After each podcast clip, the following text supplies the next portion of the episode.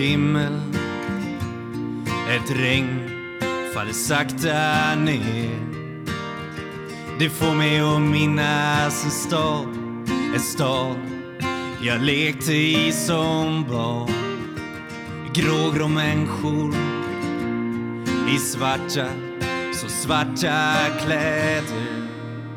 Men jag minns sorglösa dag Ett vackert minne som alltid finns kvar Stockholms gator och torg Ett liv så långt ifrån sorg ba, ba, da, da. Ba, ba, da, da. Ba, ba, da, da, da, da,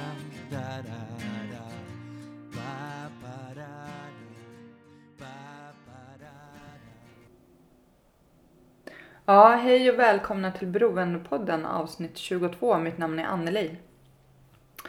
Eh, jag vill börja med att eh, hälsa er som inte har lyssnat förut välkomna. Ni undrar säkert vad det här är för en podcast och det är en podcast om beroende, missbruk, medberoende och psykisk ohälsa. Så det finns ju rätt så mycket att tala om, som sagt. Mm. Eh, alla sorters beroende pratar vi om i den här podden. Idag ska vi prata om sexberoende, sex och porrberoende. Spännande tycker jag. Lyssna på, lära sig mer om. Ehm, jag vill också tacka alla som har varit med i podden som jag har fått göra intervju med, som har öppnat upp sig och varit modiga och ärliga i, i, i de här avsnitten. Det, det är så stort och viktigt och jag vet att det hjälper många och eh, jag har fått massa mejl. Tack för alla mejl som jag får och eh, när jag träffar er, er på stan. Det ni säger, det betyder enormt mycket för mig. Eh, att veta att den här podden faktiskt gör skillnad. Jag har förstått det nu. Eh, att den gör det på riktigt och jag är jätteglad glad för det och eh, ja, och alla de människor som jag får träffa som delar med sig av sina historier. Som förra veckan, Thomas intervju, eh, nummer 21. Alltså herregud, ja. Vilken historia liksom och vilken man som sitter här 11 år senare nykter och drogfri med tanke på vad han har gått igenom. Ni som inte har lyssnat på det avsnittet, gör det. Eh, ja, nej det, det är stort. Jag eh, jag är glad att jag har möjlighet att kunna hjälpa andra och jag är glad att få höra att det fungerar. Um, mm, ja, vad ska jag mer säga? Flatenloppet eh, som jag anordnar med Mats, en annan människa som också lever nykter och drogfri. ehm, är ett stödprojekt till Beroendepodden. Eh, det var det inte från början. Från början så var det ett eh, lopp som vi arrangerade för att vi tycker eh, att eh, fysisk aktivitet är väldigt bra för att man psykiskt ska må bättre. Eh, så vi startade ett lopp för några år sedan och så skänkte vi pengarna första året till Stockholms Stadsmission eh, och sen några år på raken Trygga Barnen. Eh, och sen nu har vi bestämt att det ska vara ett stödprojekt till Beroendepodden. Eh, gå in på flatenloppet.com eller på beroendepodden.com och anmäl er till loppet. Eh, det är supermysigt. Det är den 16 september. Man kan välja att gå runt. Det är 5,8 kilometer runt Flatensjön i Stockholm. Supervackert och en supermysig stämning. Det är väldigt uppskattat lopp. Eh, och såklart så har ju vi fixat goodiebags och priser som vi lottar ut på nummerlapparna. Så det är inte, det måste, man måste inte komma först i mål utan alla eh, kan ha turen att vinna. Eh, så in och anmäl er så hoppas jag att vi ses den dagen och det, ja. ja. Ehm, på beroendepodden.com, hemsidan, så finns det en flik som heter Hjälp att få. Och under den fliken så finns det lite länkar till olika ställen man kan vända sig till om man behöver stöd och hjälp. Ehm, mm. Beroendepodden finns även på Instagram och Facebook. Ehm, följ mig gärna där eller ja. Och ja, jag har inte sagt något om mig. Jag själv som håller i den här podden, ni undrar säkert så här, vem, vem är hon liksom? Ni som inte har lyssnat på avsnitt ett kan göra det. Där kör jag den korta och snygga versionen av mitt liv. Men jag lever, eh, jag som har podcasten är ju själv en beroende människa och lever som nykter alkoholist sedan snart åtta och ett halvt år tillbaka. Um, Som sagt, jag är en beroende människa och alkohol är min huvuddrog. Um, mm. Men idag då? Uh, nu måste jag tänka så att jag inte missar något här. Um, mm. Nej, idag ska vi prata med Erik Sundby som är eh, en människa som är expert på sexberoende, sex och porrberoende och han har jobbat med det i väldigt många år och han lever själv som en tillfrisknande sex och porrberoende. Så jag tänker, eh, jag ska inte snacka så mycket mer utan vi eh, lyssnar på honom. Så.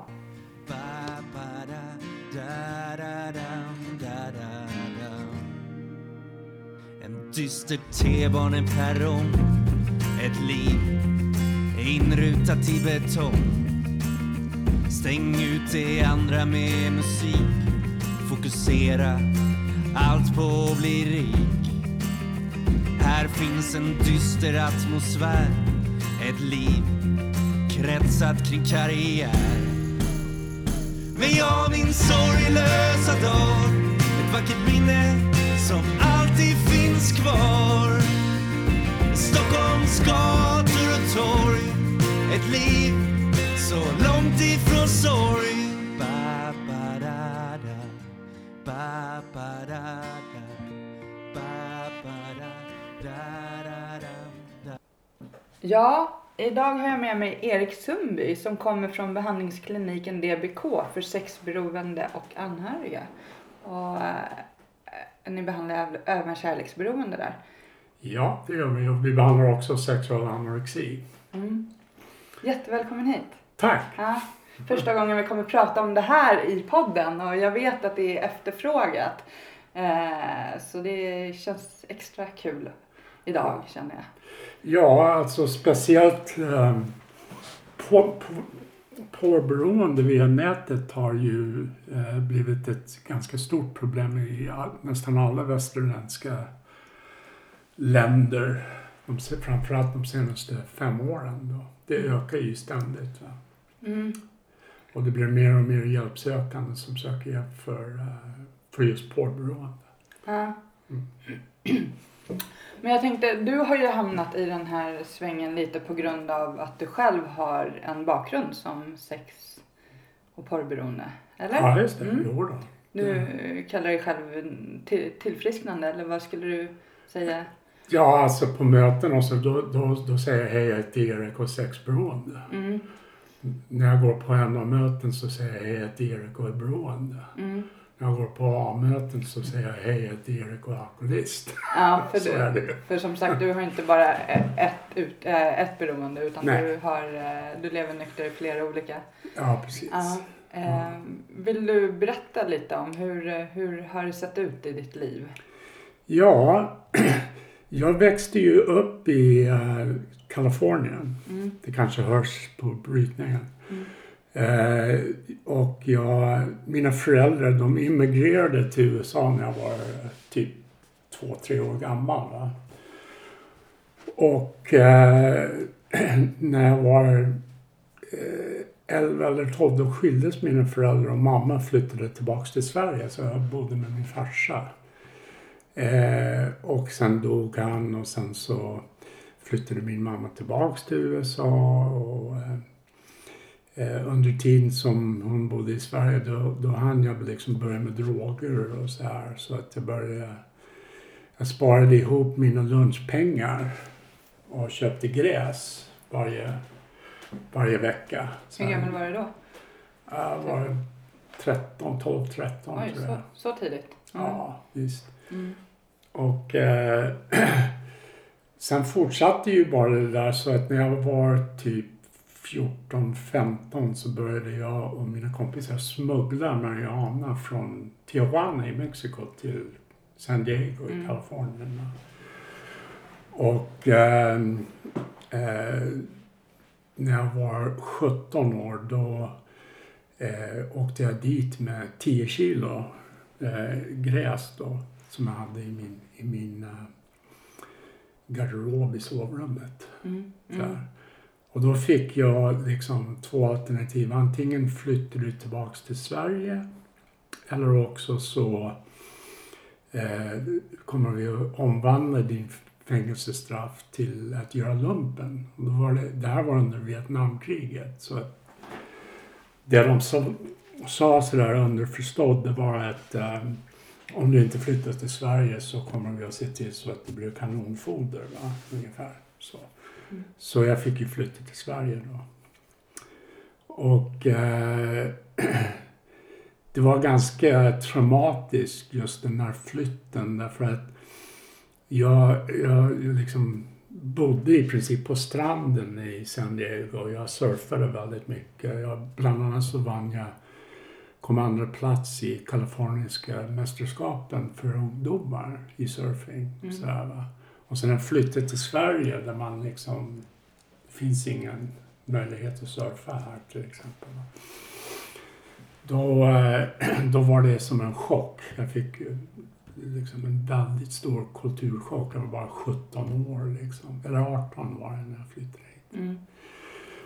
Så det tog kanske ett år så hittade jag folk som också rökte i, i Gävle där vi hamnade då. Sen fortsatte det bara sådär. Alltså, jag avancerade i mitt drogberoende och alkoholberoende. Levde liksom en dag i taget. Eh, började smuggla även från Sverige. Eller till Sverige menar jag. Från, från Marocko, från eh, Libanon och från Amsterdam till Sverige. Mm. Och torskade på det. Och eh, efter att jag kom ut ifrån eh, straffet då så ehm, fortsatte jag. Gick ner mig, började använda heroin. Bröt det efter fem sex år genom att använda amfetamin. Mm. Bytte, bytte droger. ja. Och eh, eh, sen gick jag ner mig fullständigt och, och eh, nådde botten. Och sökte min första behandling två, 1980, 1980, 1980, nej, ja 1980 var det nog. Mm. Eller 79 tror jag kanske. Och eh, efter det så lyckades jag hålla mig något sånär drog. För jag söp på helger och sådär. Va? Men eh, jag utbildade mig i alla fall som eh, eh, psykoterapeut Mm. under den tiden. Och eh, lyckades hålla färgen väldigt bra och sådär. Så började jobba på behandlingshem och eh, slutade med att jag var behandlingsansvarig på ett behandlingshem i Sydsverige. Eh, sen så tog det slut i ett förhållande jag hade och jag flyttade tillbaks till Gävle och började använda amfetamin igen. Och Mm. sen så nådde jag botten i det och eh, eh, sen 1993 så har jag varit drogfri från, från alkohol, från alltså substanser. Va? Mm. Men efter min primärbehandling och, och eh, liksom eh, efter behandling och så här så eh, eh, började jag använda porr på nätet Mm. istället och fick väldigt allvarliga konsekvenser och blev av med mitt jobb och torskade dit på, på det, alltså blev avslöjad i pressen för mitt porrkonsumtion och så här. På den tiden hade jag eh, missbruksvård åt en kommun i Norrland på entreprenad Mm. Och eh, avslöjades med porrsurfing på socialtjänstens da- dator. Mm. Och eh, blev, av, blev av med de här entreprenadavtalen och, och eh, eh, mådde jättedåligt. Ehm, så ehm, Hur mycket tid la du ner på porrsurfandet när det var som värst? Eller liksom för att de skulle upptäcka det? Då, då kan du ju...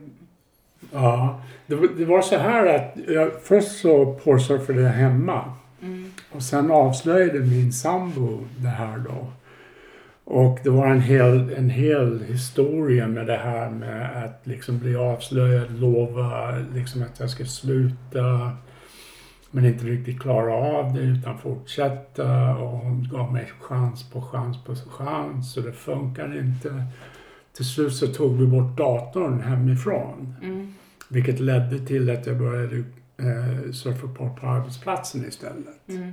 Och jag visste att det skulle avslöjas. Jag menar, det vet man ju. Socialtjänsten har ju internkontroller och sådär. Va? Mm.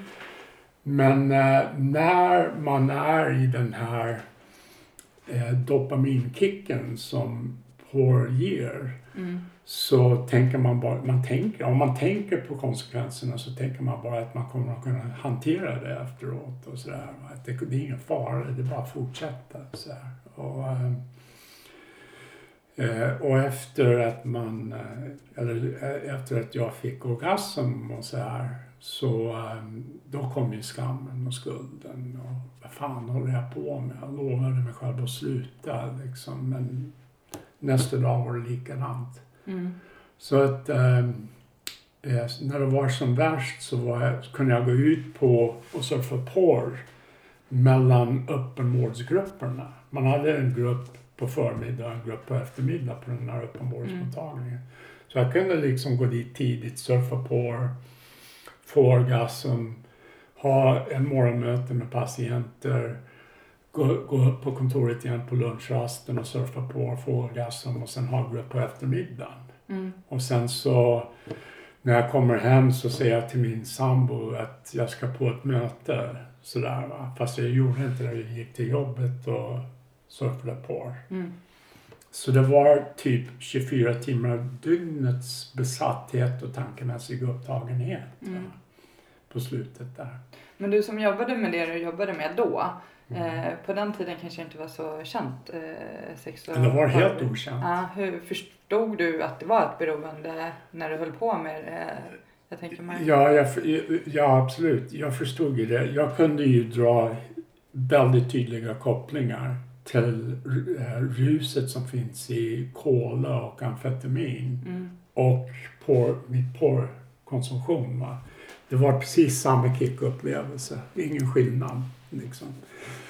Så att ehm, eh, när, när jag avslöjades då blev jag uppkallad till kommunledningen. Och de liksom ville inte ha en skandal så att de ville hålla det där under ytan. Sådär, va? Så att de bad mig säga upp mig, vilket jag gjorde då. Sen två veckor senare så kom det där ut i pressen i alla fall så att mina barn och min sambo och så där kunde läsa om mig på första sidan i tidningen. Det stod konsult i kommunen avslöjad med porr. Liksom. Mm. Och ehm, eh, då mådde jag jättedåligt. Jag var väldigt nära självmord. Så jag var ganska gammal också då så att eh, eh, jag såg ingen framtid. Så här. Det jag gjorde det var att jag gick, eh, jag startade upp ett möte i den här stan då. Och eh, under tiden så försökte jag hjälp för mitt porrberoende. Mm. Eh, Så jag gick till, jag gick till eh, vården och eh, husläkaren och berättade vad som hade hänt. Och sa att jag behöver hjälp med det här. Jag klarar inte av att sluta liksom. Jag har ju också liksom gjort behandling för min narkomani och drogberoende och, och, jag tror att jag behöver ungefär samma typ av behandling för det här liksom. Mm. Och han bara tittade på mig och sa, det är väl bara att sluta. Nej, jag klarade inte att sluta. Ja. Liksom. Till slut så lyckades jag övertyga honom och han bara skakade på huvudet och skrev ut en remiss till psykvården. Då. Medan jag väntade på att få den här remissen som tog typ åtta månader. Då startade jag upp ett möte i, eh, i den här stan, ett SLA-möte. Mm. Och eh, varje måndag kväll så gick jag till det här mötet och läste stegen och traditionerna och kokade kaffe och, och läste texterna. Och det kom ingen. Så jag gick ensam på det där mötet, jag tror det var ungefär ett år. Mhm. Mm. Så här, varenda måndagkväll liksom. Och, och eh, hade det där som en ritual. Mm. Så här. till slut efter kanske, jag kommer inte ihåg exakt, men mellan åtta månader till tolv månader eller någonting. Då, då, då sitter jag där och har just, just läst inledningstexten och stegen och traditionerna och eh, liksom lagt ner allting och tänkt, ja okej, okay, då kanske man skulle dra hem då. Börja släcka ljusen och så här. Var på väg och skulle, skulle hälla ut kaffet. Mm. Och eh, då hör jag hur dörren öppnas. Det, det ligger i källaren på en kyrka det där mötet då. Mm. Så jag hör liksom Boom! Så öppnas dörren där nere och så, fan det kommer någon. Mm. Och, och, lite, vad fan ska jag göra? Så jag sätter mig ner där och liksom retar till mig och där. Och så hör jag hur det kommer steg i korridoren. Mm. Så här va. Och så stannar de. Och så vänder jag mig om. Och så, så är det en kille som sticker huvudet in genom dörren. Tittar på mig. Och blir alldeles skräckslagen. Och ryggar tillbaka. Och så säger han så här. Ja, jag, jag undrar om jag kommer rätt. Och jag då, jag skulle vara lite tuff så här, va. Så, ja, det beror på, beror på var du skulle liksom. Mm. Så här, va. Och då säger han, ja det skulle vara något sexmöte här. Så ja men då har du kommit rätt liksom. så satte vi oss ner och började prata och dela och så här. Och, eh, ja, till slut så var det en rätt bra liten grupp i den här lilla i den här staden i Norrland. Vi var en sex, sju man som började tillfriskna och hjälpa varandra att tillfriskna. Och eftersom jag hade den här eh, eh, kopplingen mellan kola och amfetamin och så här i mitt huvud så, så gjorde jag så här att jag tog en, en arbetsbok om tillfrisknande från crack cocaine mm. på engelska. Och så översatte jag den på svenska och så varje gång det stod eh, kokain så satte jag dit porr istället. Mm. Och eh, började använda de verktygen som fanns i den här boken. Och jag märkte att det började fungera. Mm. Det, det funkade faktiskt.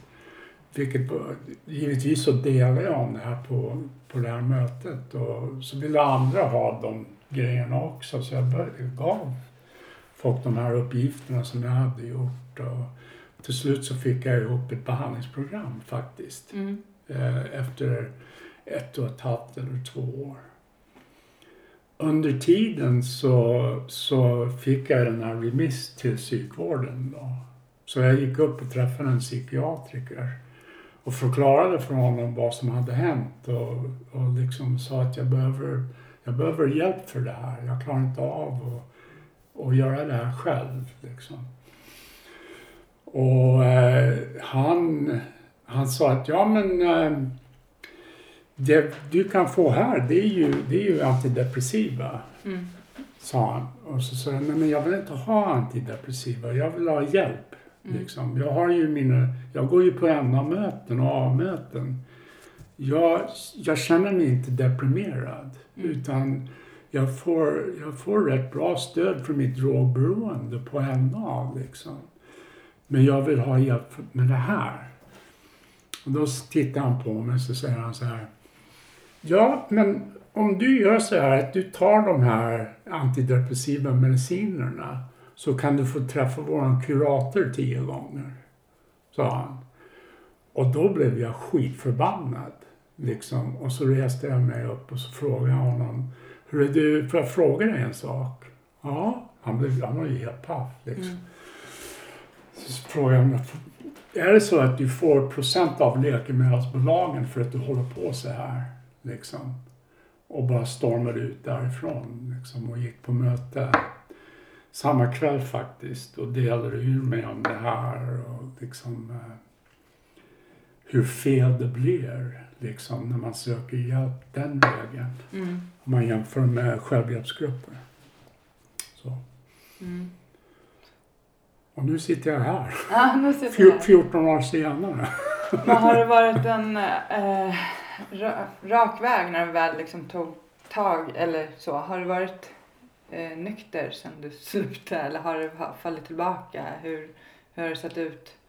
Nej, under den här, de här första ett och ett halvt åren eh, som jag hållit på, som jag hållit på, som jag hållit på med den här, det här mötet i den här stan då. Mm.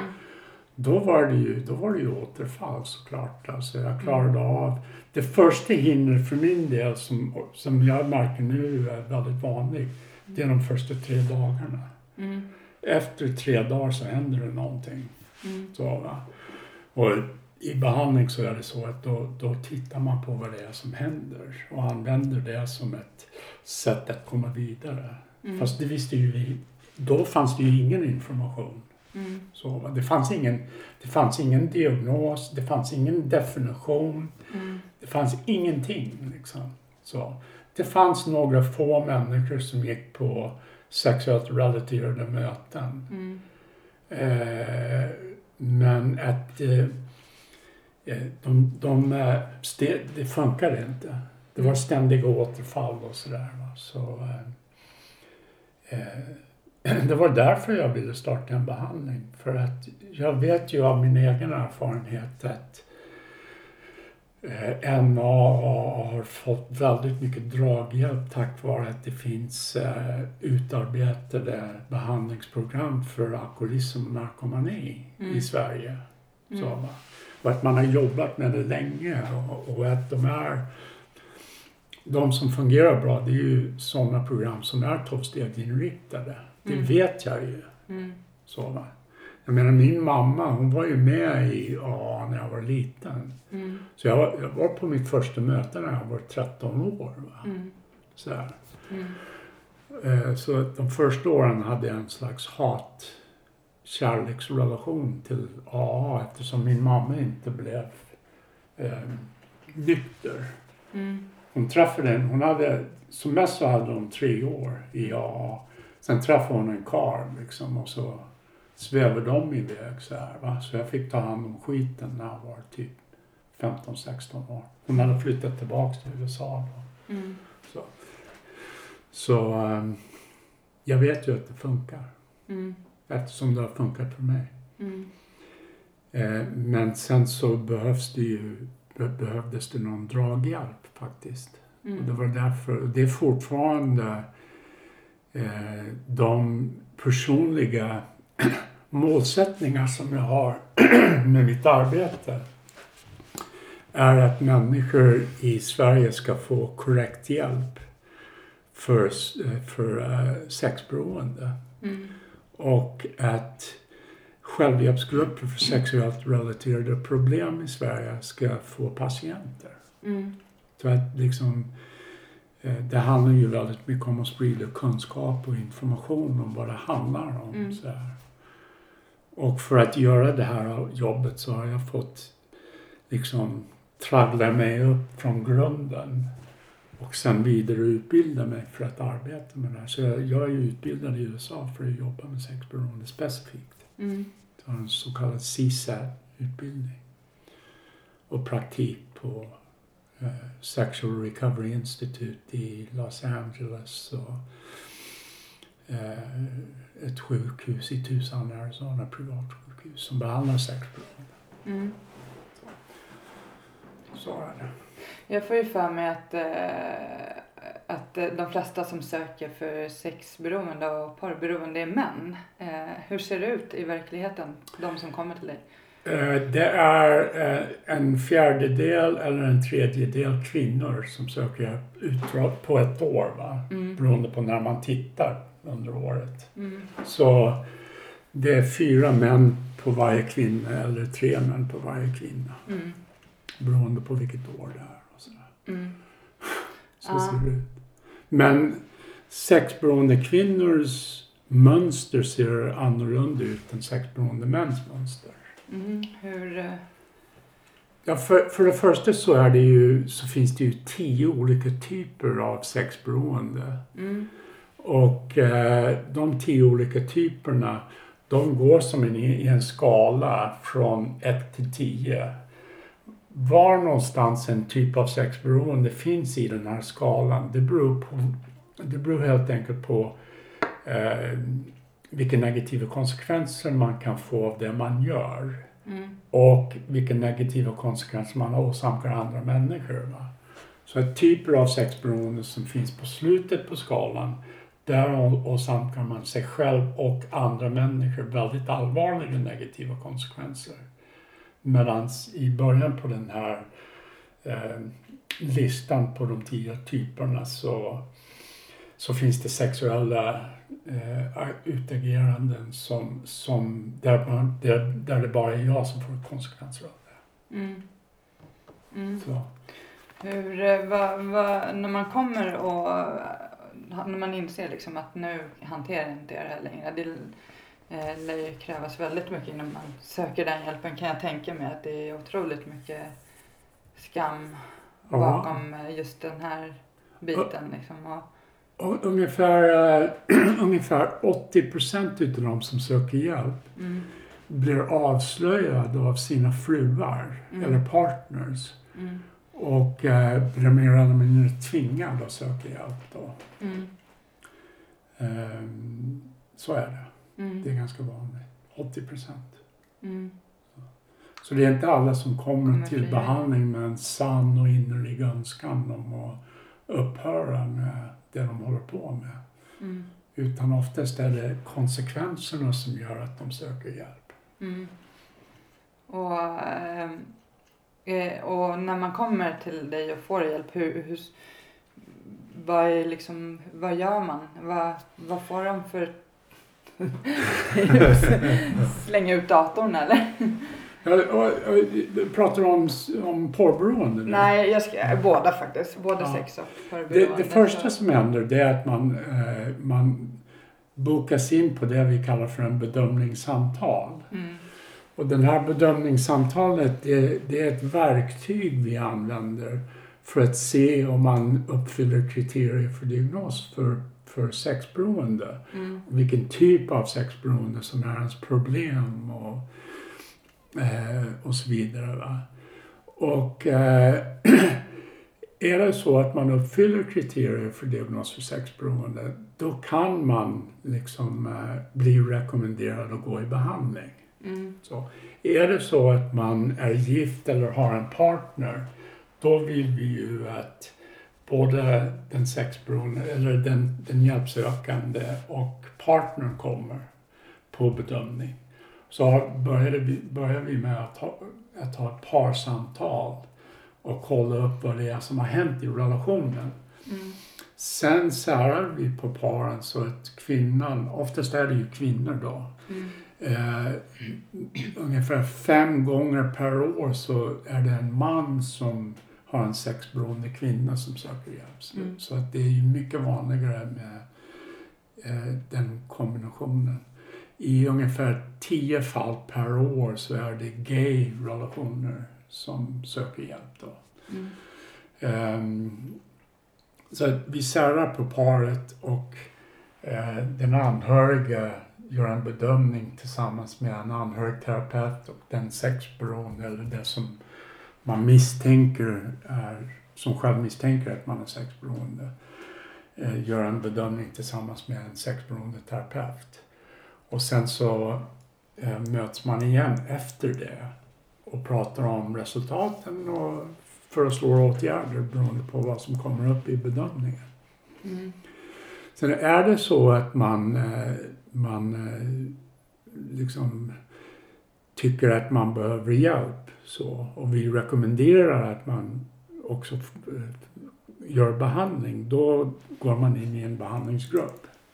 Så den anhöriga går in i en anhöriggrupp och den sexberoende går in i en sexberoendegrupp. mm, Så, och sen har vi ett behandlingsprogram som är evidensbaserad som eh, har utvecklats i över 40 års tid i USA som vi har tagit till Sverige och eh, liksom gjort om till svenska förhållanden och så här, som är i tre olika faser. Så. Anhörigprogrammet är också i tre olika faser. Så att ehm, Eh, behandlingen är på ungefär ett och ett halvt till två år i öppen vård. Där man kommer till en grupp en gång i veckan. Mm. Så får man uppgifter som man ska göra och så går man hem och gör de här uppgifterna och så kommer man tillbaks och redovisar uppgifterna för gruppen och får speglingar och feedback och så får man nya uppgifter och så här. Mm. Hur vanligt de som kommer, jag tänker, för du är ju, jag ju, är ju både alkoholist och narkoman och porrberoende och hela, eh, hur vanligt ser du liksom mönstret att det är så med många som kommer, att det inte bara är porrberoende, att, det, att man Mm. Jag, jag utgår ifrån, eh, jag tycker, tycker det är liksom bra att utgå ifrån eh, ett se beroende utifrån olika områden där det förekommer beroende. Mm. Och det, det vanligaste område som hör mest talas om det är ett område som jag kallar för substansberoende. Mm.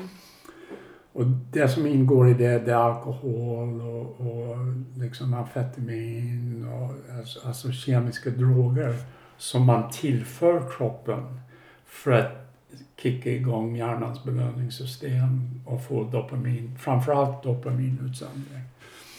Sen finns det ett annat område som jag kallar för beteendemässiga beroenden eller eh, processberoenden. Och då handlar det om eh, specifika beteenden som man använder sig av för att kicka igång hjärnans belöningssystem och specifikt dopaminutsöndring i hjärnan.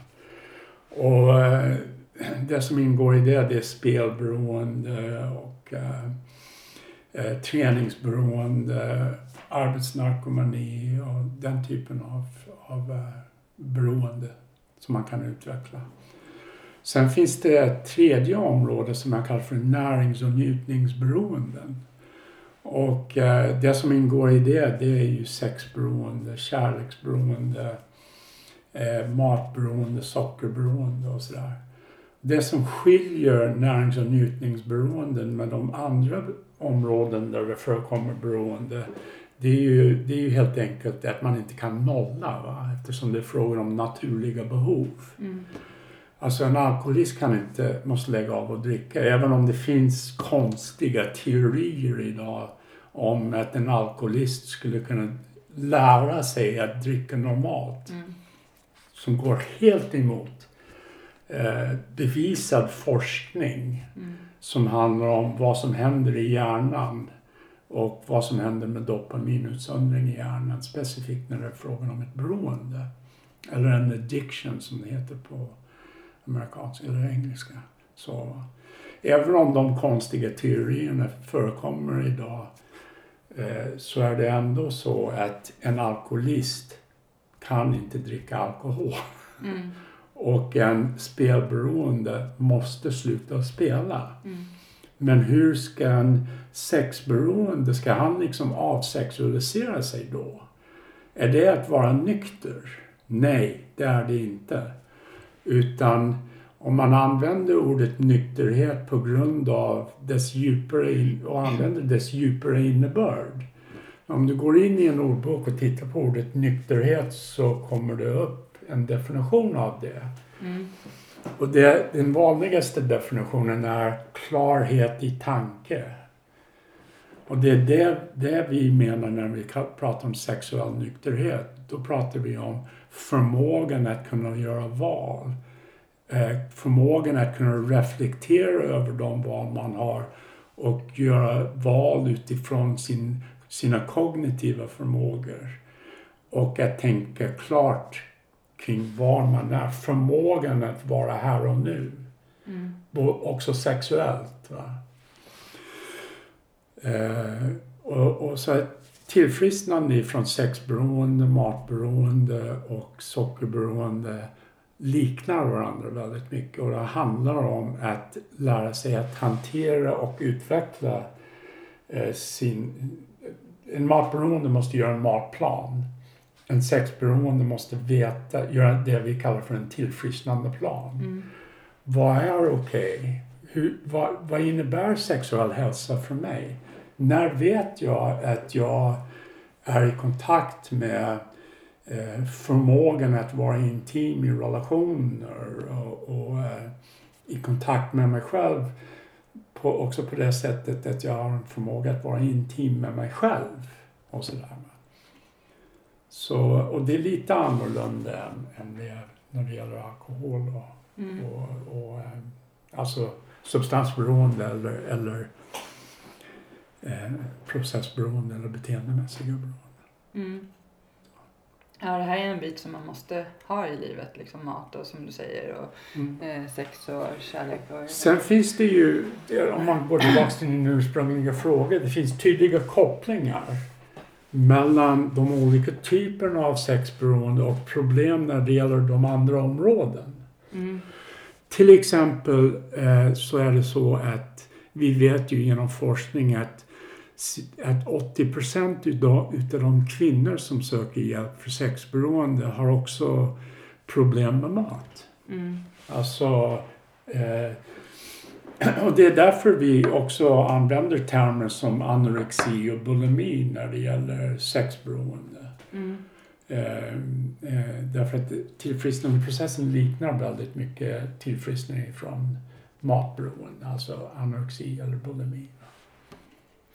Men om man är anorektisk i sitt sexberoende, för, förklara. För, Ja, det första som, som, eh, som man kan nämna det är ju det här att om man ser sexberoende som en mynt med två sidor. mm.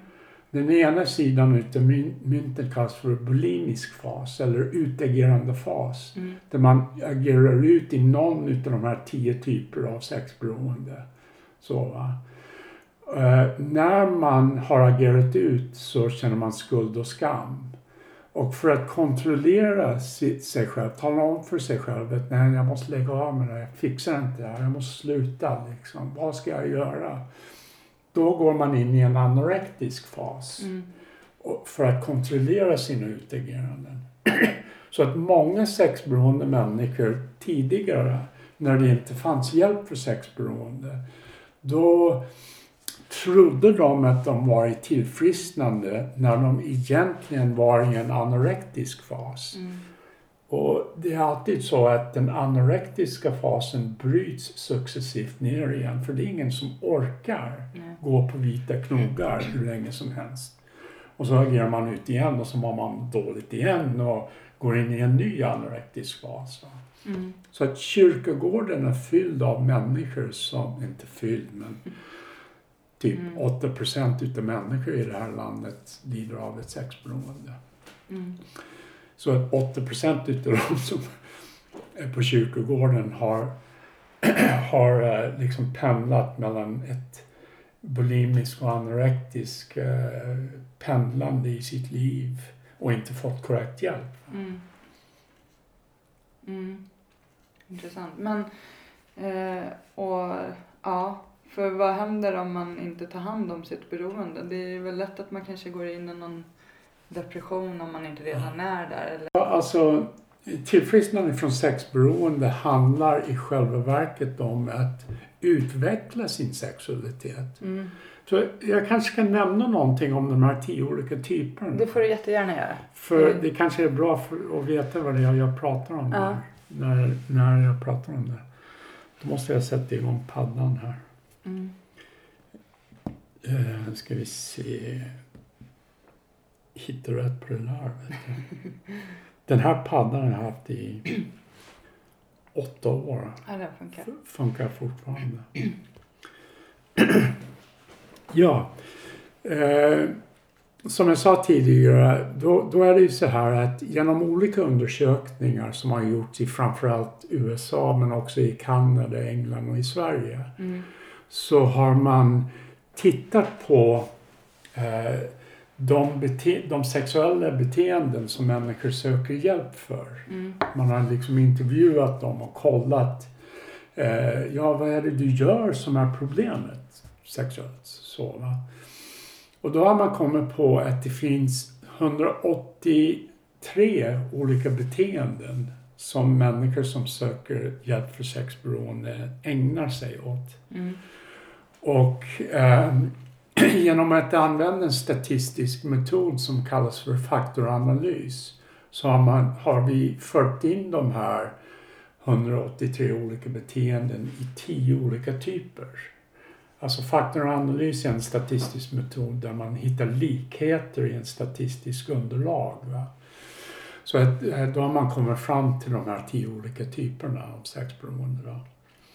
Och sen den första typen i den här skalan heter fantasisex. Mm. Och fantasisex handlar om sexuellt laddade fantasier och att sexualisera eller erotisera situationer och människor. Så eh, kicken i, i eh, fantasisex handlar om att fantisera om de sexuella möjligheter som finns i omgivningen. Eh, däremot så deltar man inte, alltså man går inte vidare Mm. och söker kontakt och börjar dejta utan allting stannar upp i huvudet. Va? Så att det är liksom, tänk vad jag skulle kunna göra med den där människan. Mm. Wow, vad häftigt det skulle vara och sådär. Så att det, det är också frågan om ett dissocierat tillstånd där man är bortkopplad ifrån verkligheten och använder fantasier för att koppla bort. Mm. För att fly eh, en verklighet som man egentligen inte klarar av. Så. Och eh, jag har en fråga om det. Nej, fortsätt. Eh, Nästa typ heter voyeuristiskt sex. Och voyeurism det betyder ju att titta på. Och eh, pornografi till exempel, porrberoende via nätet som var min huvuddrog. Mm. Eh, eh, det, det, är, det handlar liksom om att använda visuell stimuli eh, för att fly i en besatt trans. Så att det är också ett dissocierat tillstånd. Det är ett sätt att fly en verklighet som man inte klarar av. Mm. Så? Ehm, eh, och gå in i, i, i, besatt, i en transtillstånd. Ehm, och eh, kicken i det bygger på visuell upphetsning eh, snarare än fantasiupphetsning. Så? Men det är ju samma sak där, att man, man fastnar i det, man går inte vidare. Mm. Utan man fastnar, fastnar i, det, i det här visuella. Så.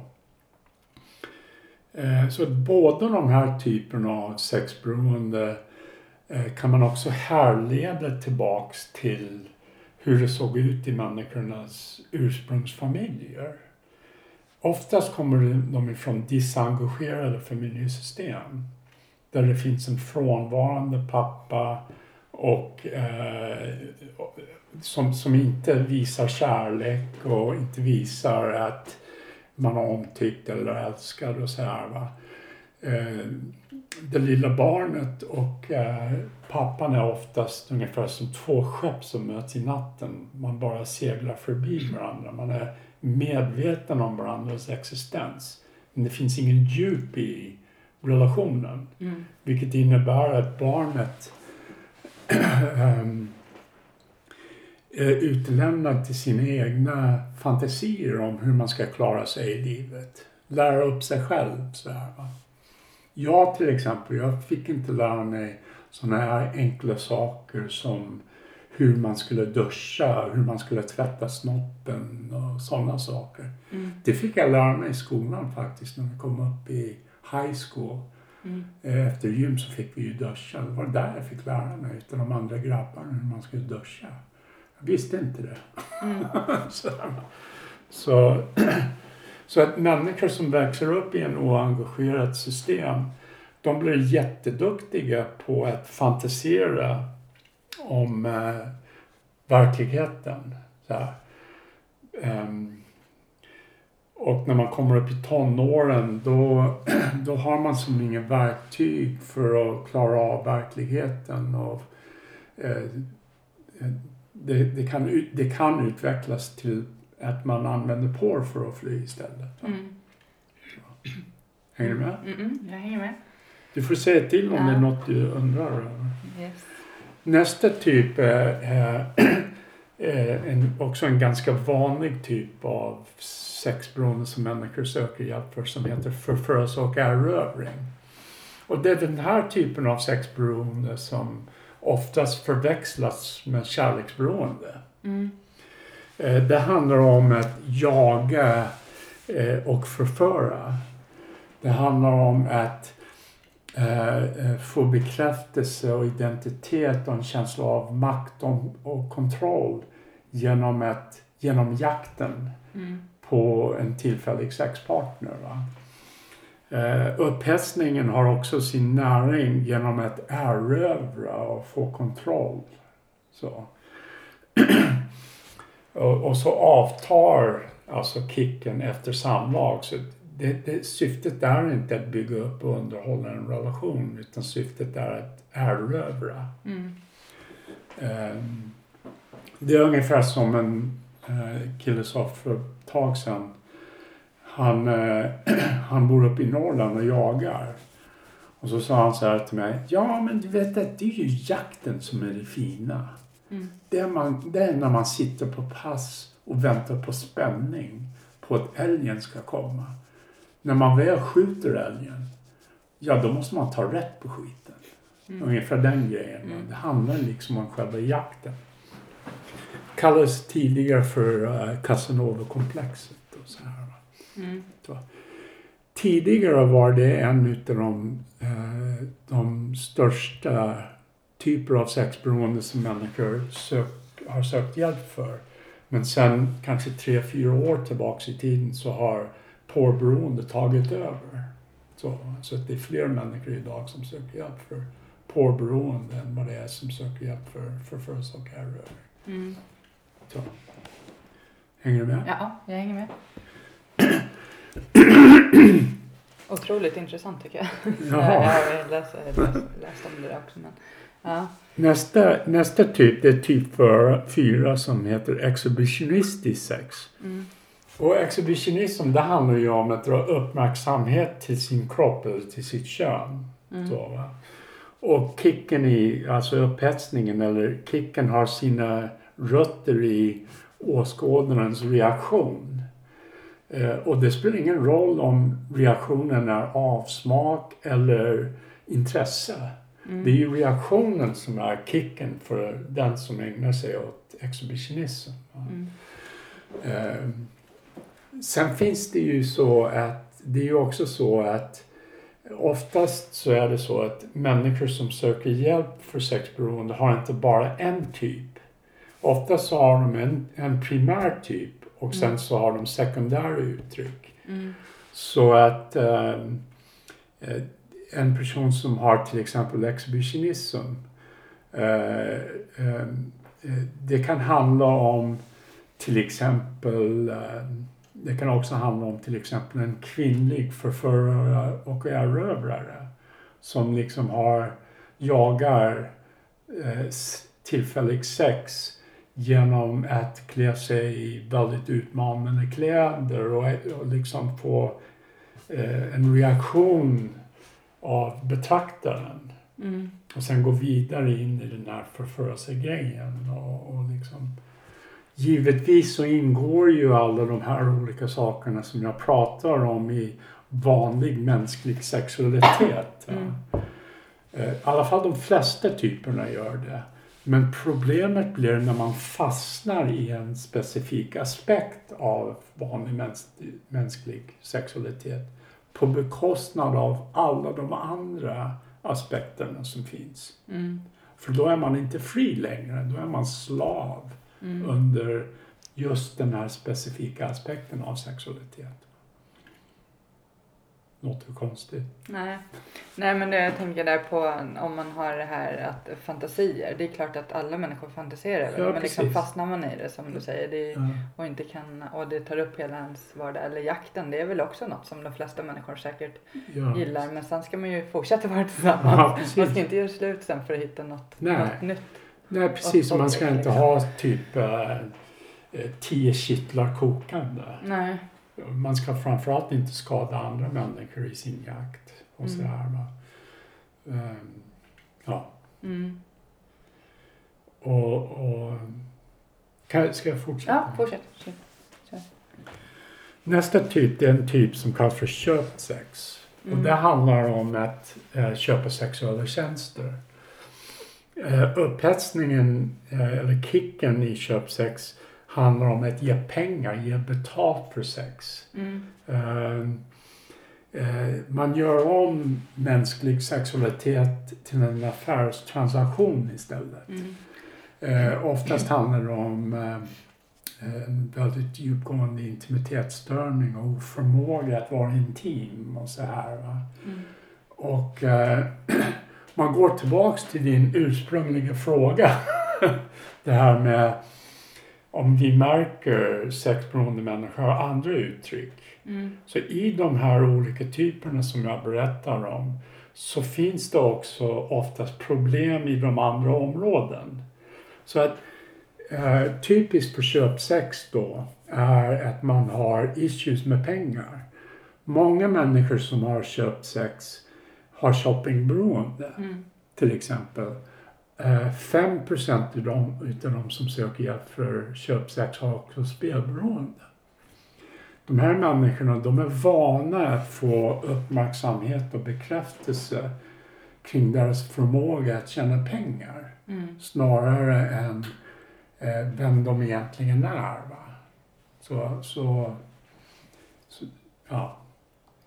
Men om, om en människa kommer till dig och, och har just den biten säger vi och, och då också eh, shoppingberoende då måste den ta tag i alla bitarna eller? Ja, alltså då, det, det är ju därför, också därför vi gör en bedömning för Mm. att se hur allting hänger ihop i den här personens liv. och första tiden i behandlingen i fas 1 då handlar ju också om att göra en mer eh, grundläggande utredning kring vad man har för primära uttryck och sekundära uttryck och så vidare. För att hela problemet behöver ju behandlas. Mm. Så. Mm. Så. Mm. Och det där var femman. Ja. Sexan är eh, en typ av sexberoende som kallas för utbytessex. Och där handlar det om att byta sex mot en känsla av makt och kontroll. Mm. Eh, att använda sex som handelsvara för att få makt. Så? Få en känsla av makt. Så. Mm. Så att eh, ett visst procent utav människor som, eh, på, som är porrstjärnor eller som säljer sexuella tjänster och så här eh, är sexberoende människor som har utbytessex som primärutagerande. Mm. Mm.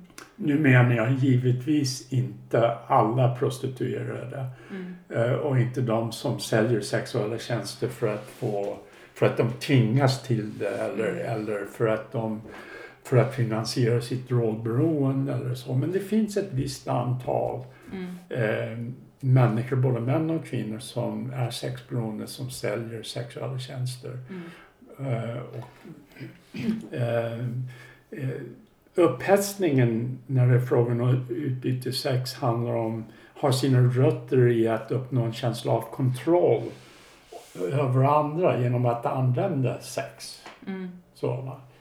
Så att um, jag kommer ihåg, jag intervjuade en porrstjärna en gång på tv-program, jag kommer inte ihåg vilket, men det var ganska länge sedan. Och så medan vi satt och pratade, den här porrstjärnan och jag, så pratade, försökte jag prata med henne om hennes historia, hennes bakgrund och så här. Va?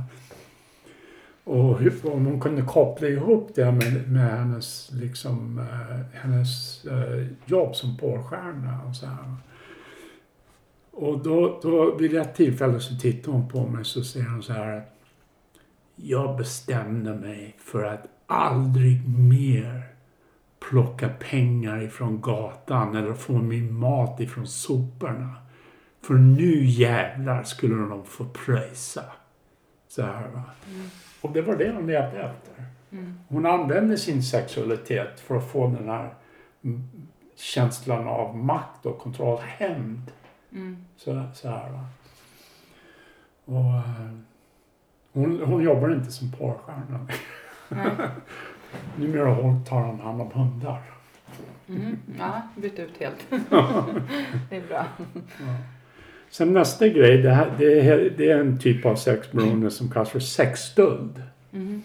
Och det, det handlar om att överskrida andra människors gränser eh, sexuellt. Så att det är människor som berör andra på tunnelbanan eller berör, liksom nuddar vid någons tuttar eller rumpa och så här, får det att se ut som en olyckshändelse. Mm.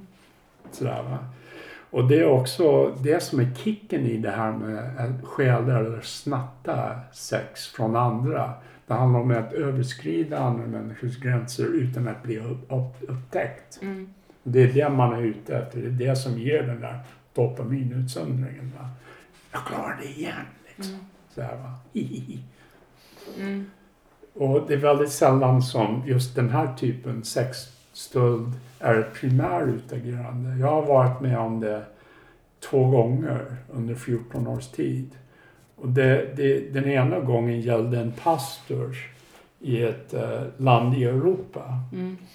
som hade hållit på att stjäla sexualitet ifrån församlingsmedlemmar och, och eh, eh, familjemedlemmar under 40 års tid Mm. och kom undan med det. Men det avslöjades när han försökte stjäla, alltså beröra sin, sitt barnbarn sexuellt utan att upptäckas. Då upptäcktes allting och sen så kom det en lavin av avslöjanden Mm.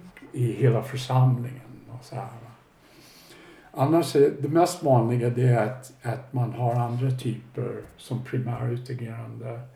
Till exempel eh, förförsoka rövring och ägna sig åt sexstöld för att få ännu häftigare upplevelser. Va? Mm. Så, Mm. hänger du med? Ja. Sen nästa typ det är en typ som kallas för anonym sex. Och det, är- det, är- det är en högrisksex som man har med okända personer. Så, va? så att man, eh, man träffar personer via, oftast i dagens läge så är det ofta, sker det oftast via datingsajter. Så här, att man liksom har en snabb träff liksom. Och, Mm. och det där bara handlar om att ha en snabb, snabb sex. Och ehm, sen är man borta därifrån. Eller så kan det handla om människor som har sex på bastuklubb eller eh, porr, porrbutiker, videobutik, alltså porrvideos och har snabbsex med andra män, män som har snabbsex med andra män. Eh, eller ehm, kvinnor som raggar via datingsajt och har snabbsex med 17-18-åriga grabbar så Mm. här. Och, ehm, utsätter sig för rejäla risker i det. Mm. Liksom. Ehm, och eh, liksom kicken är det här omedelbara. Att, det, att det, finns liksom ingen för, förförelse eller eh, liksom ehm, eh, dating eller den är väldigt omedelbar. Va? Att Mm. få den här liksom, dopaminet genom en snabb eh, sexakt. Mm. Så. Så. Den känns ju också rätt så vanlig eh, när jag tänker på kompisar som är ute på dejtingsidor och så här. De säger ju det liksom, de bara, "Nej, men där ute, där vill ju folk bara ligga hela tiden. Det är aldrig Ja. något så här, att det är den här snabba Ja, tillfredsställelsen, kicken. Sen måste inte alla springa omkring och vara sexberoende. Men det Nej. känns som att det har blivit en väldigt... Ja, precis. Och det, det, det vill jag också verkligen bara poängtera att här handlar det ju om att man om man söker hjälp och har den här typen, alla typer av sexberoende, Mm. då måste vi kunna kolla om en person uppfyller kriterier för diagnos för sexberoende eller inte. Va? Mm. Och det är som sagt var 8% utav befolkningen i Sverige som, som skulle göra det. Mm. Ett fåtal av dem söker hjälp. Ja. Men om du går ut på nätet så ökar ju den siffran procentuellt till ungefär 10 procent. Mm. Så att 10 procent av dem som är ute på datingsajter eh, skulle kunna uppfylla kriterier för diagnos för sexberoende. Mm. Så. Mm. Eh, så, så det är många på datingsajter som, som bara vill hitta en partner liksom, och tycker att det här är en bra grej, sätt att göra det. En del lyckas, Mm. Men det är väldigt många som är sexberoende som vill bara ha anonym sex. Va? Ja, jo, det känns som det är det mycket på de där sidorna. Men ja. Och jag vet inte hur det ser ut idag men jag, skulle, jag rekommenderar inte att man alltså, ska hitta en partner på någon dating sajt. Jag, tror- jag, jag vet inte. Jag, Alltså jag tror att det kan vara, vara bra om man är så ensamstående, sitter hemma och inte kommer ut så ofta. Alltså så där, det är ett lätt sätt men det är också jag har ju haft det i sidor själv förut men jag Jaha. kände liksom så här, det är så oseriöst. Så jag, jag har lagt ner det liksom. Så här, det är, jag, jag hade ju till exempel en väninna som jobbar som behandlingsansvarig på en kvinnobehandling i Long Beach i Mm. Kalifornien. Då, en gammal barndomsvän till mig. Hon, hon berättade att hon hade liksom gått ut på en dating och träffat en kille. Och de hade liksom chattat i ungefär ett år och hon tyckte att det här är min bästa vän. Liksom, För han bodde i en annan stat va? i mm, USA. Och äntligen efter ett år så skulle de träffas. Här, så att han flög till Los Angeles och hon mötte honom på flygplatsen där. Och efter, som hon, som hon berättade, för, efter 0,5 sekunder bara, vad fan är det här för en typ liksom? ja. Så grejen är ju det att det finns, det finns så mycket i uppvaktning som handlar om ögonkontakt och sätt att säga saker och kroppsspråk och sätt att uttrycka sig och det här, det här liksom relationsdansen som pågår när man dejtar och så här. Mm. Som, som sker redan vid den initiala ögonkontakten. Liksom. Pang, liksom, säger det va.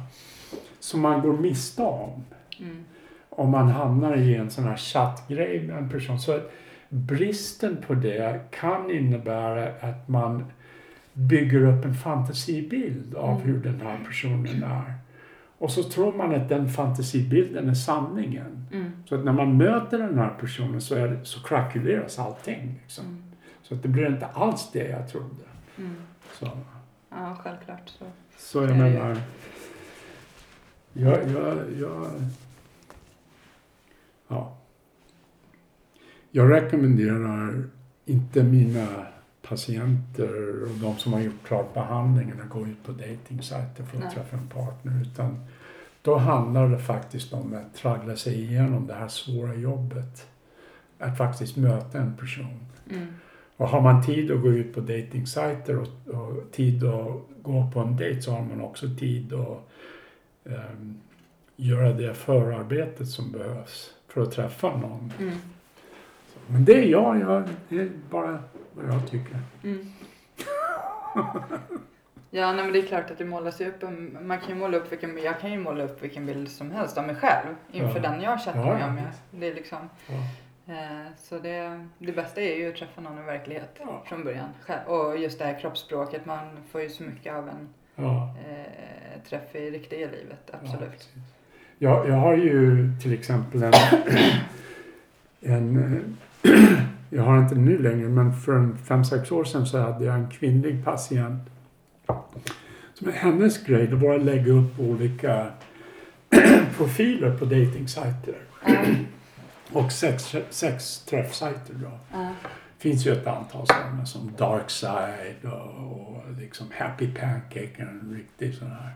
mm, Eh, och, och, och ehm, ja, det finns ju ganska många sådana här. Eh, hon hade sex olika profiler som hon la upp.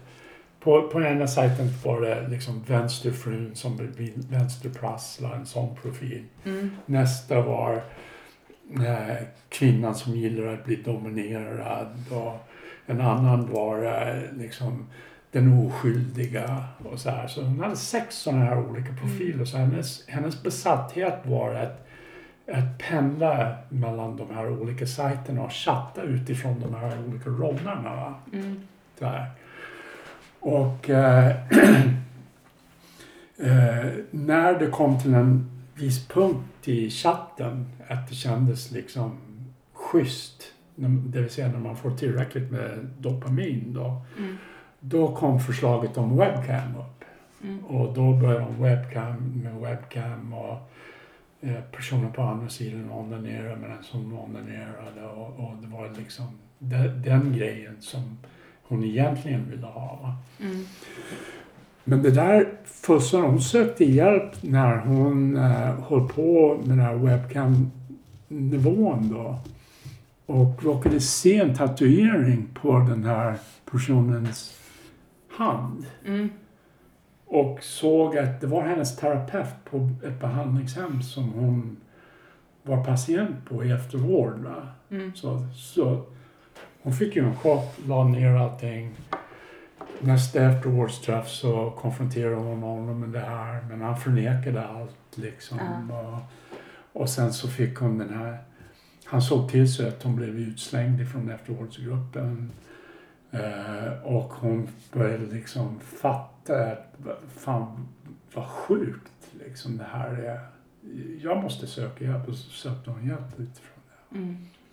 Så, så kan det gå. Ja, så kan det gå. Mm.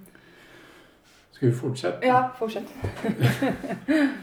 Nästa typ, eh, typ 9, det, här, det är en typ som kallas för utbyte av smärta. Mm. Och eh, eh, utbyte av smärta som typ av sexberoende handlar om att bli förnedrad eller att ta emot smärta som en del i en sexuell upphetsning. Eller eh, att sadistiskt tillfoga förnedring eller smärta sexuellt. Eller båda. Mm. Så här är det frågan om att en eh, sexberoende hjälper en annan att uppnå smärta eller kontroll. Så? Mm. Ehm, har du någon fråga om det? Nej. Eh, inte så vanligt att människor söker hjälp för just den typen av eh, eh, sexberoende i Sverige. Däremot så är det ganska vanligt i USA då, där det är ungefär eh, mellan 15 till 20 procent utav de som söker hjälp för sexberoende har utbyte av smärta som primära utgående. Mm. Vet inte varför, men så är det.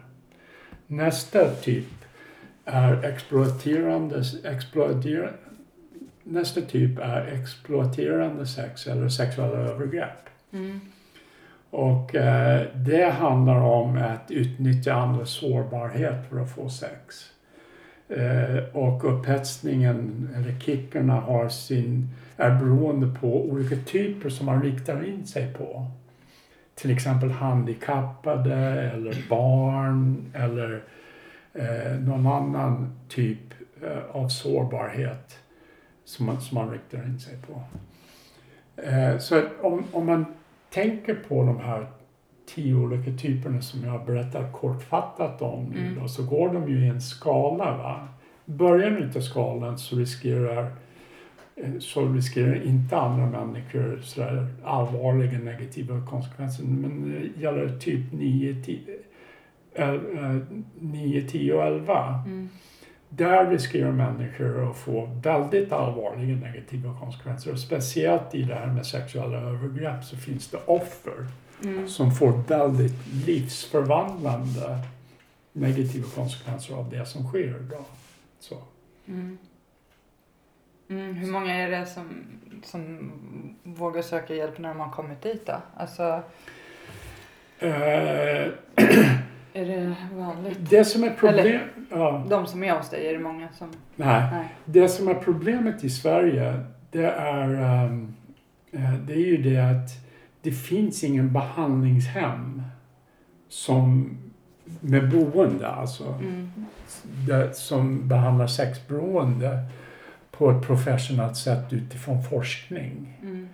Och eh, de här människorna, de skorrar så högt på våran, våra bedömningsinstrument så att det, det är inte möjligt att, bed- att behandla dem i en öppen vård.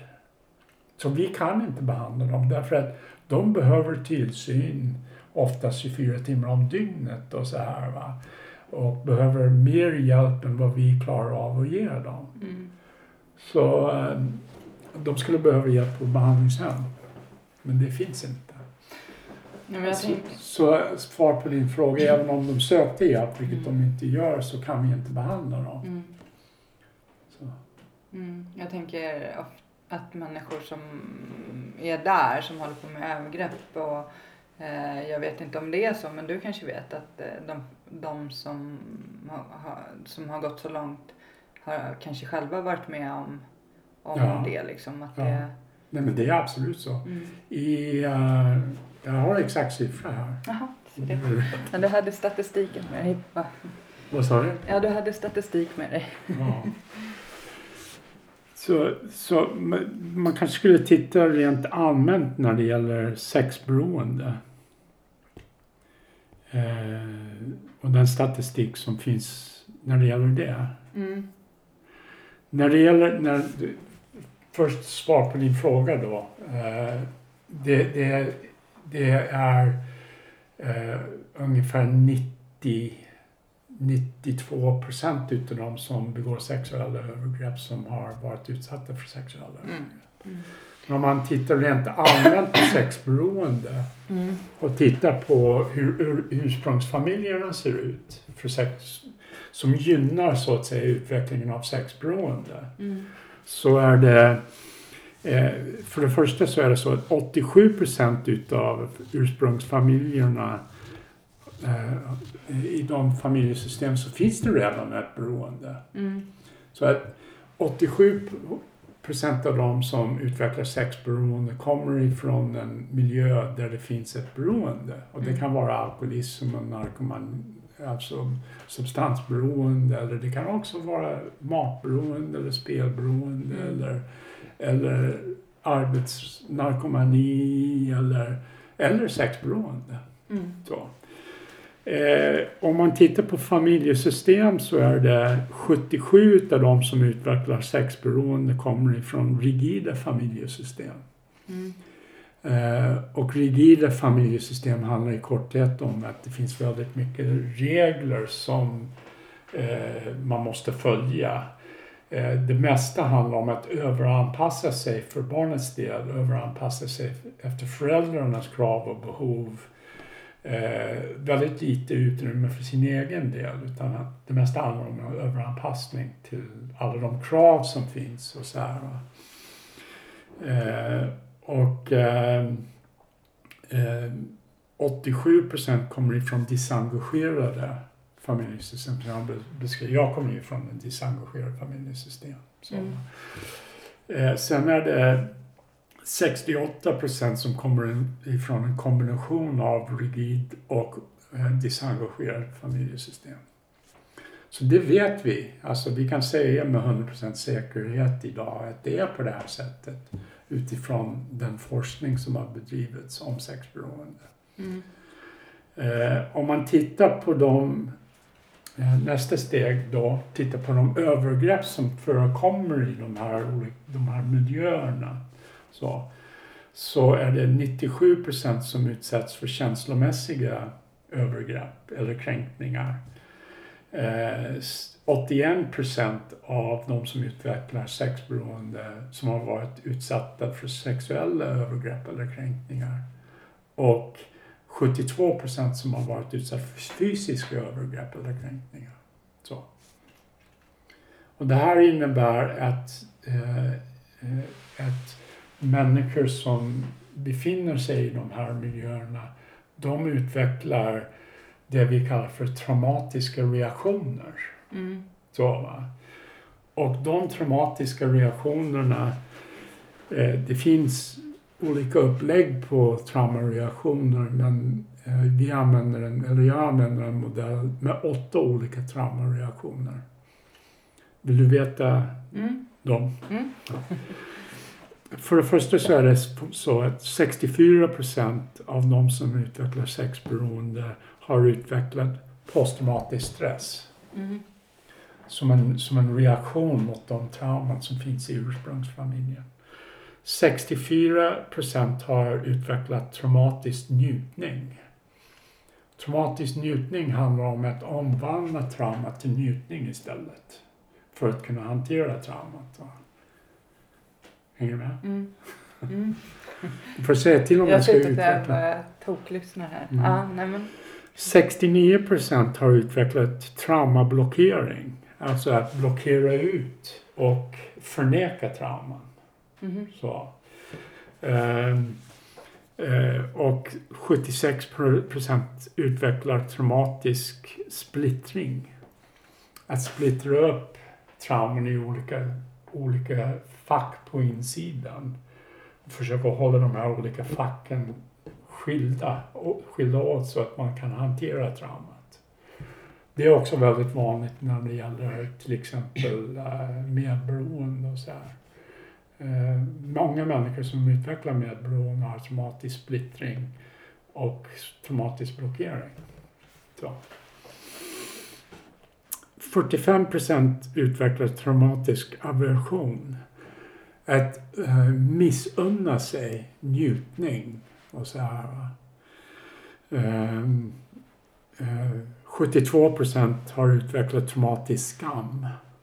Att eh, de, det, det, det handlar om att vara skampräglad. Så. Eh, 69 procent har utvecklat traumatisk upprepning. Att upprepa traumatiska händelser som vuxna. Så. Um, ehm, till exempel, bara som exempel, en kvinna som, uh, som är utsatt för våldtäkt när hon är 13 år. Uh, växer upp och, och upprepar det här övergreppet gång Mm. på gång på gång och att det blir liksom ett beroende till slut. Så. Gå in i typ rollspels... Ja. Men hur... eh, tänker där om man går in i de här rollspelen som eh, dominant, undergiven som jag kan tänka mig, alltså det här om man har varit med om sexuellt övergrepp. Eh, hur många håller på med sånt som inte har, alltså hur vanligt är det att man håller på med sådana grejer om man inte har varit med om något tidigare? Jag har aldrig varit med om det. Fast jag, är ju bara, jag träffar ju bara människor som har utvecklat ett beroende. Ja. Och i, som en del i behandlingen, i fas 3 i behandling, så handlar det ju om traumabearbetning. Mm. Så att jag har ju som ingen, jag har ingen koll på, Mm. Jag, jag har väldigt svårt att tänka mig Att man håller på med det om man inte kanske har... ja, om man inte har issues som är obearbetad. Mm. Jag har svårt att tänka mig det. Men, Mm.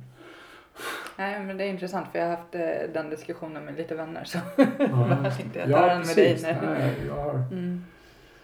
Eh, Ja, det, det är klart att det finns ju i, också i vanlig mänsklig sexualitet alltså, så finns det ju det här med eh, spring och jaga och liksom eh, hålla fast och Mm. liksom dominera och liksom vara intensiv och så här. Men är det så att man tillfogar andra människor smärta Mm. eh, och, och till, tillåter, att, eller tillåter att andra människor överskrider ens gränser Mm. eller, eller överskrider andra människors gränser så är det ju traumarelaterat. Mm. Det, det, jag har svårt att se att det skulle vara på något annat sätt. Va? Mm. Så, Mm. så. Mm. Det är ju inte naturligt. Kärlek, sex är en gåva. Mm. Och, och väldigt viktigt för oss människor och någonting att bevara och vara rädd om och hylla. Mm. Så. Och ingenting som man ska släpa i skiten. Jag menar om du ger mig en blomma, inte tar jag den blomman och bara kastar bort det. Eller, eller eh, trampar på den. Utan Mm. jag tar den till mig och tackar dig för att jag har fått den här blomman. Och värnar om den, sätter den i vatten och ser till så att jag kan behålla den blomman så mycket som möjligt. Mm. För att det är så fint att få den här gåvan. va. Så. Mm. Tänker på alla ungdomar som växer upp och har sån eh, en lätt tillgång till porr och sex på nätet. Att de, eh, alltså, det är väl så lätt att det blir en skev bild från början där. Alltså, Många ungdomar idag får sin sexuella uppfostran via porr. mm, Och det är ju en helt skev bild av sex. mm, Så, mm, och, så att det, det har gått så långt nu att till exempel så läste jag en artikel som skrevs i en av Tokyos största dagstidningar från en eh, en läkare som jobbade på en, en, eh, en klinik i Tokyo som behandlade sexuella problem, alltså när man inte kan få erektion och så här. Va? Som skrev förtvivlad i den här artikeln att men snart kommer inte Japan att finnas kvar som nation. Därför att människor vet inte längre hur man uppvaktar. Mm. Och vet, de, de vill helst stanna hemma och surfa på. Mm. Så att Japan kommer att försvinna om vi inte gör någonting åt det här. Mm. Lite överdrivet Mm. kanske, men ändå. Mm. Och en utav de, en utav de största negativa konsekvenser av porrberoende är ju erektil dysfunktion. Oförmåga att ha sex i en, i en vanlig relation. va. Mm. Till- Alltså i en ver- verklig relation med andra människor. Så här. Dopaminnivån är så här hög med perfekta kroppar och allt det man vill ha direkt. Mm. Så, va? Medan verkligheten är att din, hallå där grabben, din fru kanske inte är tillgänglig sexuellt bara för att du vill. Mm. Så, va? Och hon har en finne på häcken. Liksom. Mm. Och, det, och så här, va? Mm. Så att verkligheten ser inte ut som det gör på nätet. Nej. Nej. Mm. Ja, har du tagit upp alla trauma? Ja. Ja. Och de här olika företeelserna med, med först med om man tittar på ursprungsfamiljen, eh, vilka typer av övergrepp och kränkningar det är frågan om och vilka traumareaktioner som kommer ur det. Så, så eh, ser vi då, alltså, så vet vi idag faktiskt att eh, det här skapar ju Eh, en katalytisk miljö eh, som, som i sin tur skapar det vi kallar för katalytisk ångest och stress hos individen, vilket gör att man utvecklar någon typ av sexberoende. Och det är där de här tio typerna kommer in. Så. Mm. Ja, intressant. Nu har jag lärt mig massa idag. Alltså, Men, eh, vi har men inte ens pratat om kärleksberoende nej, jag tänkte eller sexuell anorexi. Eller, Men jag tänker, för jag har ju, jag säger ju, du rättade ju mig här innan jag satte igång inspelningen för jag säger sex och kärleksberoende men det är ju två helt olika saker. Så, ja. Mm. Nej, men liksom, när man går på ett SLA-möte Mm, till exempel så presenterar man sig som sex och kärleksberoende. ja, Jag menar, jag skulle aldrig gå på ett A-möte och säga hej, jag heter Erik och jag är liksom drogberoende. mm, Man måste ju ha respekt för den självhjälpsgruppen som man Mm. besöker. Så när jag går på ett A-möte så säger jag hej, jag heter Erik och är alkoholist. Jag går på ett MA-möte så säger jag hej, jag heter Erik och är beroende. mm, Så, va? Och på SLA så säger man hej, jag heter Erik och är sex och kärleksberoende. mm, Eh, Men jag är ju, jag är ju porrberoende vilket, vilket ingår i eh, voyeuristisk sex och en typ av sexberoende mm, egentligen.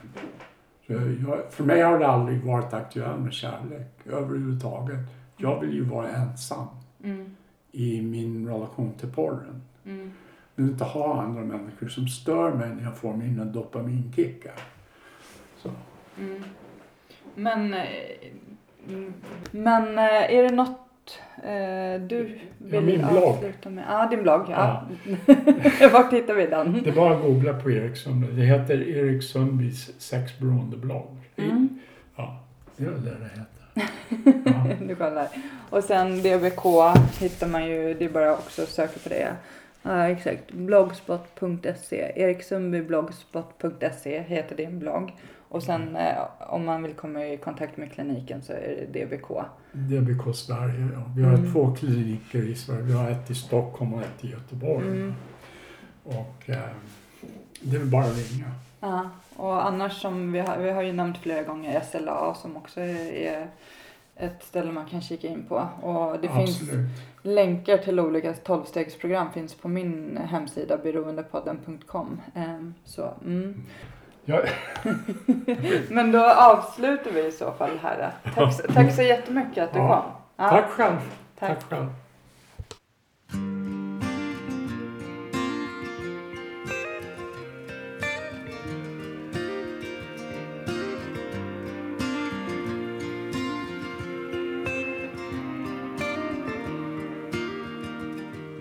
Mörk himmel.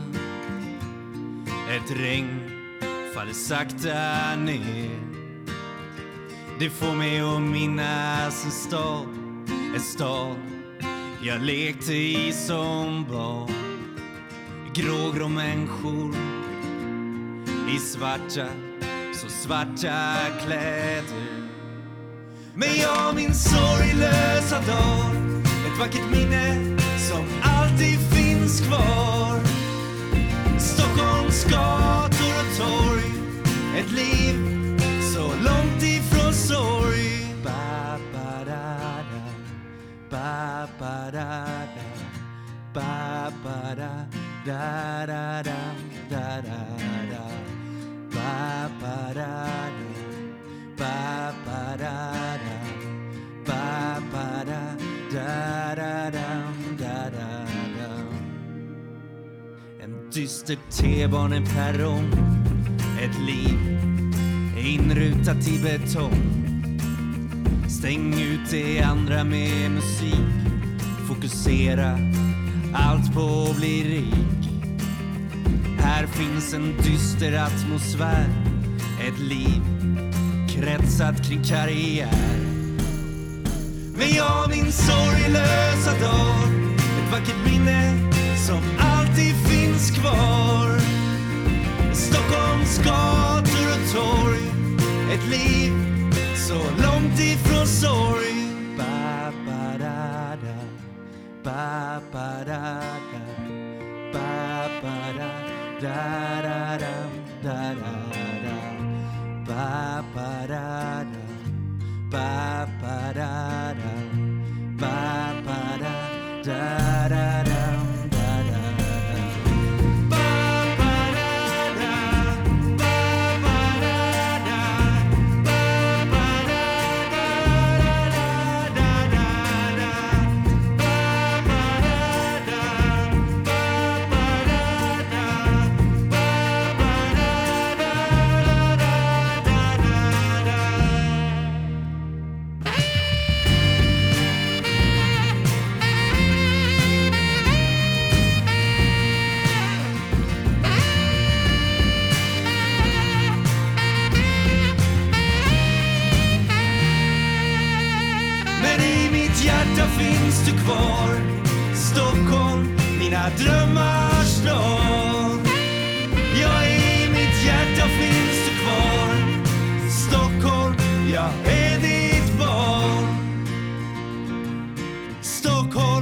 ditt